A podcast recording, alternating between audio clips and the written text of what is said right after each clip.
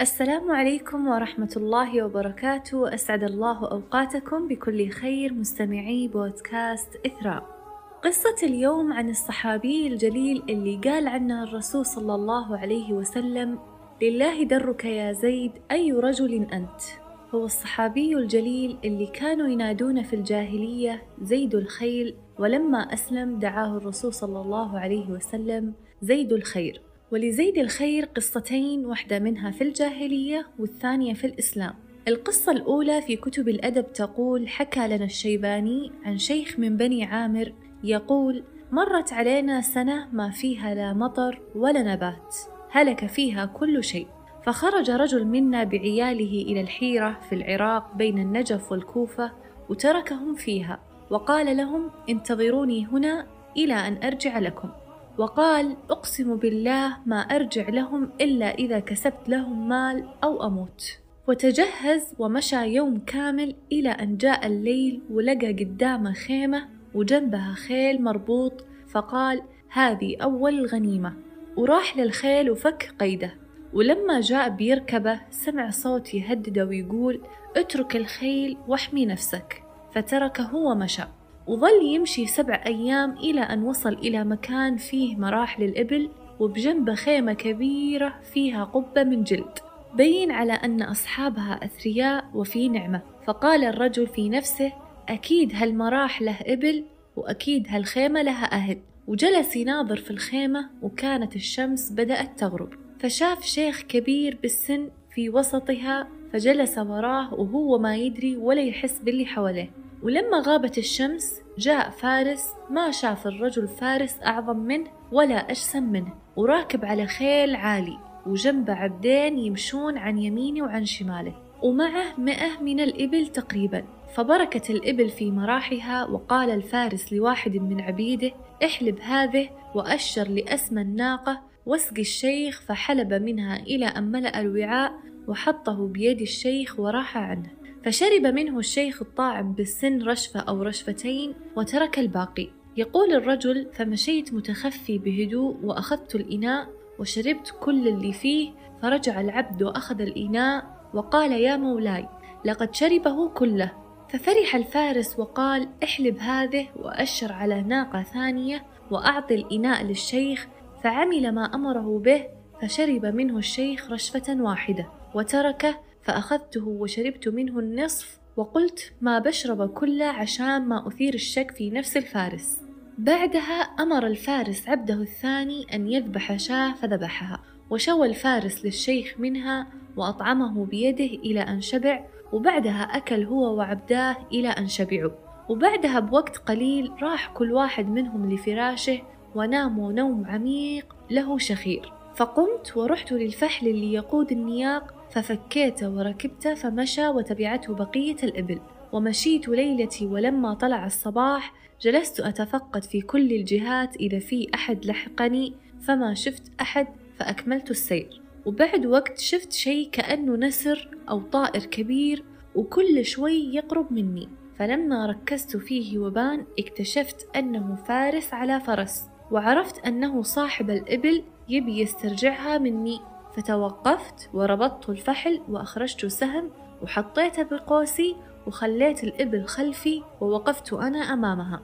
فوقف الفارس بعيد وقال لي فك الفحل. فقلت لا أنا تركت ورائي نساء جائعات بالحيرة وحلفت أني ما أرجع لهم إلا ومعي مال أو أموت. فقال الفارس أنت ميت فك رباط الفحل. فقال لا ما بفكه. فقال ويحك إنك لمغرور. وقال لي تشوف زمام الفحل فيه ثلاث ربطات في أي ربطة تبي أرمي سهمي؟ فجاريته وأشرت على الوسطى فصوب ورمى سهمه فأدخله فيها لدرجة أنه كأنه وضعها فيها بيده.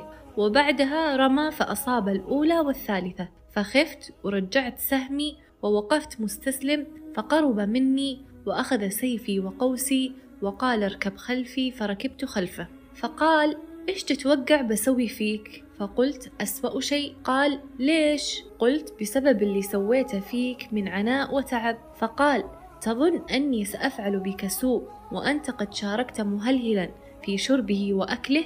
يقصد أبوه. فلما سمعت اسم مهلهل قلت أنت زيد الخيل؟ قال نعم. فقلت كن خير آسر. قال لا تخاف. ومشى بي إلى مكانهم. وقال لي والله لو كانت هذه الإبل لي لأعطيتك إياها لكنها لأختي. لكن اسكن عندنا فبعد أيام بنقوم بغارة ويمكن أن نغنم فيها.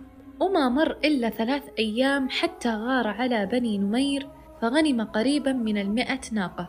فأعطاني إياها كلها وأرسل معي رجال من عنده يحمونني إلى أن وصلت الحيرة. هذه قصة زيد الخيل في الجاهلية. أما قصته في الإسلام فتقول لما وصلت أخبار الرسول صلى الله عليه وسلم إلى سمع زيد الخيل أعد راحلته ودعا سادات قومه للذهاب معه زيارة يثرب عشان يقابلون النبي صلى الله عليه وسلم.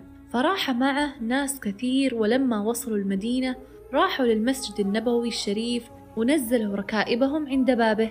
وصادف عند دخولهم وجود النبي صلى الله عليه وسلم وهو يخطب فوق المنبر فأعجبهم كلامه واندهشوا من تعلق المسلمين به وإنصاتهم له وتأثرهم بقوله.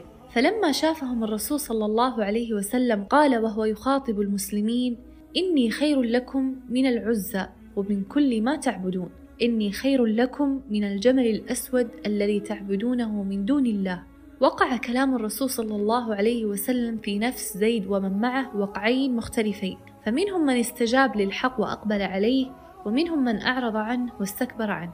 ففريق في الجنة وفريق في السعير. أما واحد منهم لما شاف الرسول صلى الله عليه وسلم في موقفه الرائع تحفه القلوب المؤمنة المحبة وتحوطه العيون الحانية حتى دب الحسد في قلبه وملأ الخوف روحه. فقال للي معه هذا الرجل بيملك رقاب العرب. والله ما أخليه يملك رقبتي. وراح لبلاد الشام وحلق رأسه وتنصر. أما زيد والناس الباقين اللي معه فكان لهم شأن آخر. فأول ما انتهى الرسول صلى الله عليه وسلم من خطبته وقف زيد الخيل بين جموع المسلمين وكان من أجمل الرجال وأحسنهم خلقة. وأطولهم قامة لدرجة أنه كان إذا ركب الفرس تخط قدماه في الأرض. وقف بقامته الممشوقة وتكلم بصوت عالي وقال يا محمد أشهد أن لا إله إلا الله وأشهد أنك رسول الله. فتقدم الرسول صلى الله عليه وسلم وقال من أنت؟ فقال أنا زيد الخيل بن مهلهل. فقال الرسول صلى الله عليه وسلم بل أنت زيد الخير لا زيد الخيل. الحمد لله اللي جابك ورقق قلبك للإسلام ومن وقتها صاروا ينادونه زيد الخير. وبعدها أخذه الرسول صلى الله عليه وسلم إلى منزله ومعه عمر بن الخطاب ومجموعة من الصحابة. فلما وصلوا البيت أعطى الرسول صلى الله عليه وسلم زيد متكأ فعظم عليه أن يتكئ عليه في وجود الرسول صلى الله عليه وسلم ورجع المتكأ له وظل الرسول صلى الله عليه وسلم يعطيه له وهو يرده ثلاث مرات. ولما جلسوا واستقر مجلسهم قال الرسول صلى الله عليه وسلم لزيد الخير يا زيد ما وصف لي رجل قط ثم رأيته إلا كان دون ما وصف إلا أنت. ثم قال له كيف أصبحت يا زيد؟ قال زيد أصبحت أحب الخير وأهله ومن يعمل به فإذا عملت به أيقنت بثوابه وإذا فاتني شيء منه حنيت له. فقال الرسول صلى الله عليه وسلم هذه علامة الله في من يريد.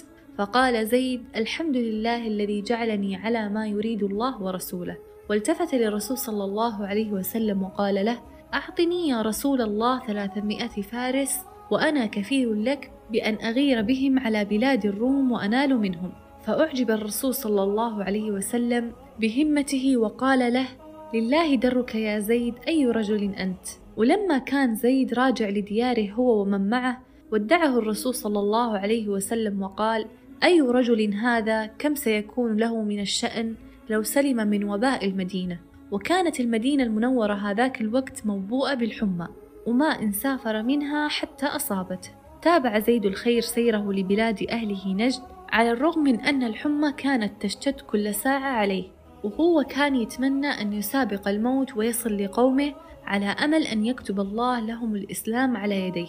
فكان يسابق المنية والمنية تسابقه لكنها سبقت فلفظ أنفاسه الأخيرة في الطريق. وما كان بين إسلامه وموته متسع لأن يقع في ذنب فرحم الله زيد الخير.